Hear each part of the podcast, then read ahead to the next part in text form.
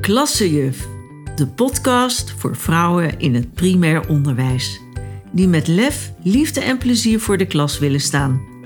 Mijn naam is Karen Wessels en ik ben enorm gedreven om je te helpen je rol in het communicatieproces vanuit een ander perspectief te bekijken, zodat je op een bewuste en natuurlijke manier je leert te verbinden met je omgeving.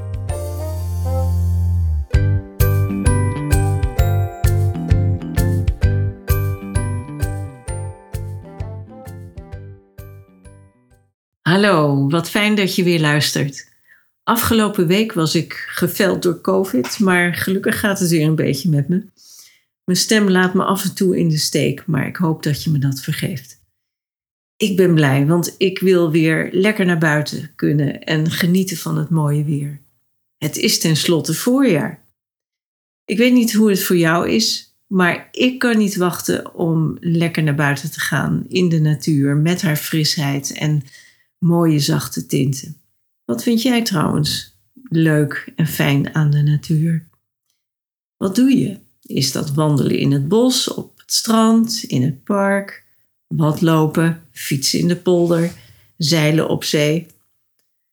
Ach, er is zoveel te doen, maar wat is voor jou fijn? Denk daar eens over na. Voor mij is dat in ieder geval wandelen in het bos of in de duinen in de natuur zijn heeft een hele belangrijke functie voor mij persoonlijk, maar ook in mijn werk.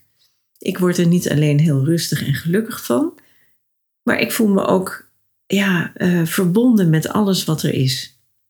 Het is zo bijzonder dat ik daarom de natuur ook gebruik als steun in mijn coaching.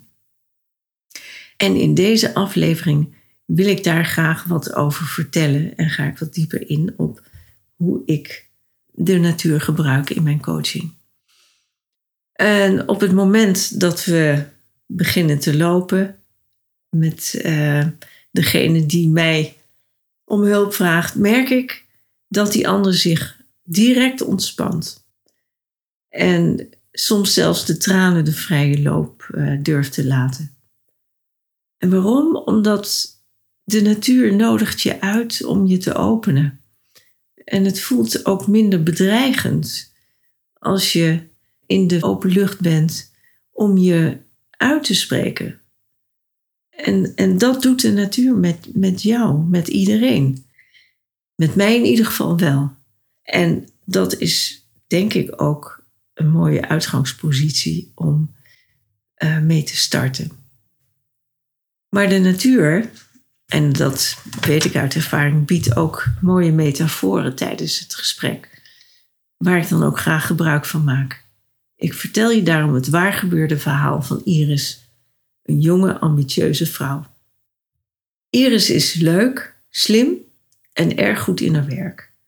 Ze werkt snel, is creatief en pakt alles makkelijk op. Ook het werk wat blijft liggen en wat anderen laten liggen vooral. En dat doet ze er dan gewoon even bij, onder het mom van dan is het maar gedaan. De ideale werknemer kun je zeggen. Althans, dat was ze. Want sinds een paar weken zit ze ziek thuis. En haar hele lijf doet pijn. En ze heeft geen eetlust, geen energie. Alles wat ze doet kost haar veel moeite. En het liefst kruipt ze onder een dekentje op de bank.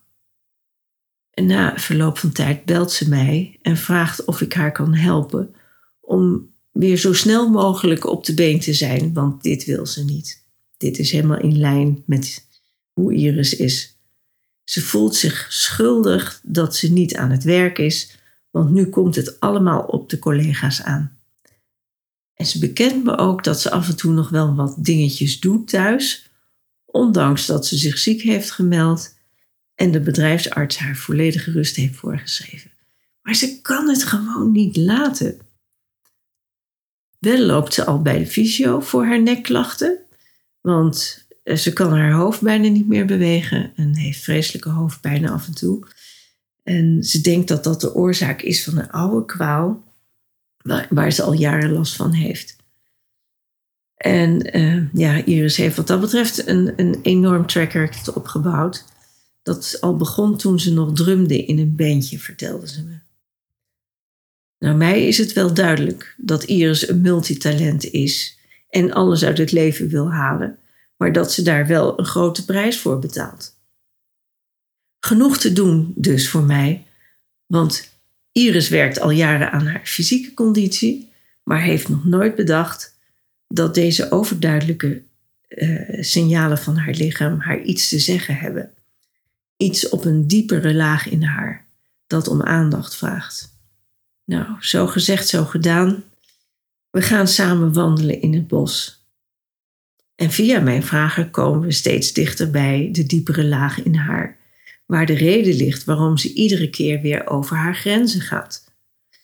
We komen uit bij haar relatie met haar ouders. Zij werken allebei hard en hebben weinig tijd over voor Iris en haar zusje.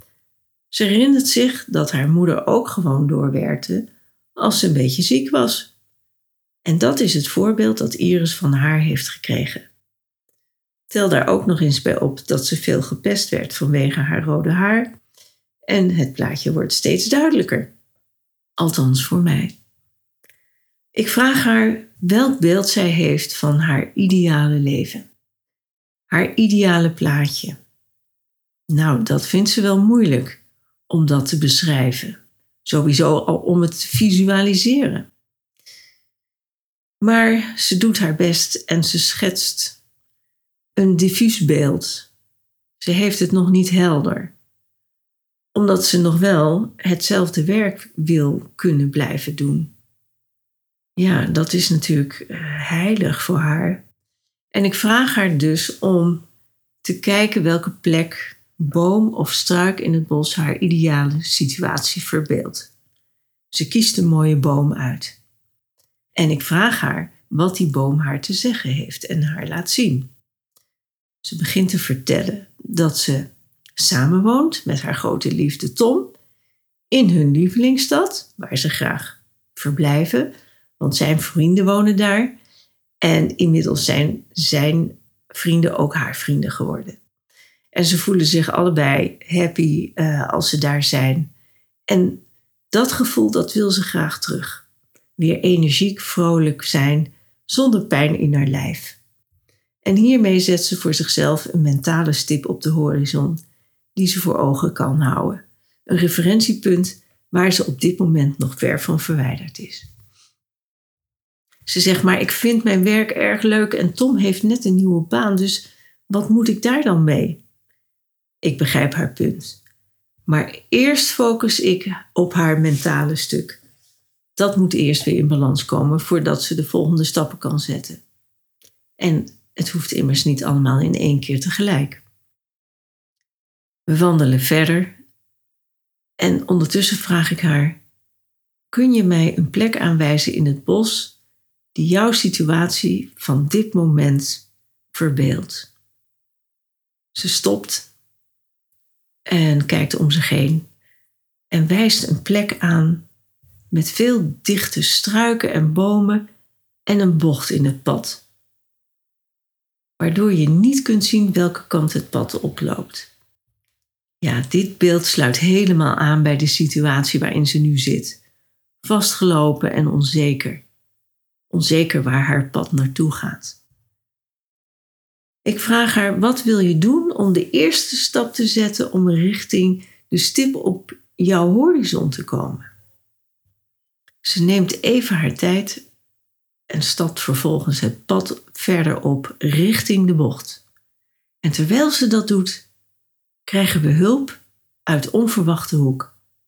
Het is een eekhoorn die hoog de boom inklimt. Het ritselt. Het is een prachtige metafoor. En dat is nog niet het enige. Later die middag passeert ons een koppel reeën op korte afstand. En ze gaan een tegengestelde richting op. Wauw! Zoveel ondersteuning van de natuur. Ook Iris ziet hierin een positief teken voor haar en maakt daar zelf een vertaling van, die voor haar helemaal kloppend is. De eekhoorn laat haar zien dat ze figuurlijk mag klimmen en de reeën zeggen haar tegen de stroom in te mogen gaan. Ze neemt deze beide betekenissen mee in het bepalen van haar volgende stap. En mijn ervaring dat de natuur altijd actief meewerkt in deze situaties en mooie cadeautjes meegeeft voor onderweg, wordt maar weer eens bevestigd.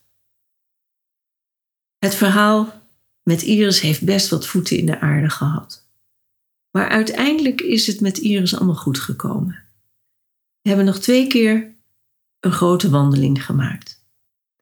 En toen gaf ze aan dat ze weer energie kreeg en voorzichtig wilde beginnen met werken. Haar fysieke situatie was inmiddels ook verbeterd. Grappig dat dit altijd samenvalt met elkaar. Maanden later stuurde ze me een lange e-mail waarin ze schreef dat het goed ging met haar. Dat ze inmiddels weer fulltime werkt. Maar het meest verrassende vond ik wel dat ze schreef samen met haar Tom een kleine studio te huren in hun lievelingsstad. Ze gaan zo vaak mogelijk daar naartoe en kunnen op deze manier de dingen doen waar ze blij van worden. En ook genieten van hun vriendengroep. Je zou kunnen zeggen: best of both worlds heeft ze weten te realiseren. Misschien spreekt je dit verhaal ook aan of herken je iets van jezelf in het verhaal van Iris?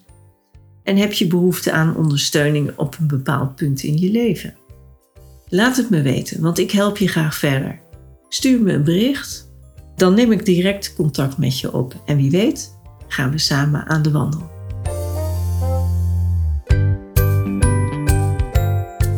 Leuk dat je luisterde. Vond je dit interessant of heb je nog vragen of opmerkingen? Laat het me weten via www.karenblad-wessels.nl contact of zoek me op op LinkedIn of Facebook. Ik hoop je te ontmoeten. Dag!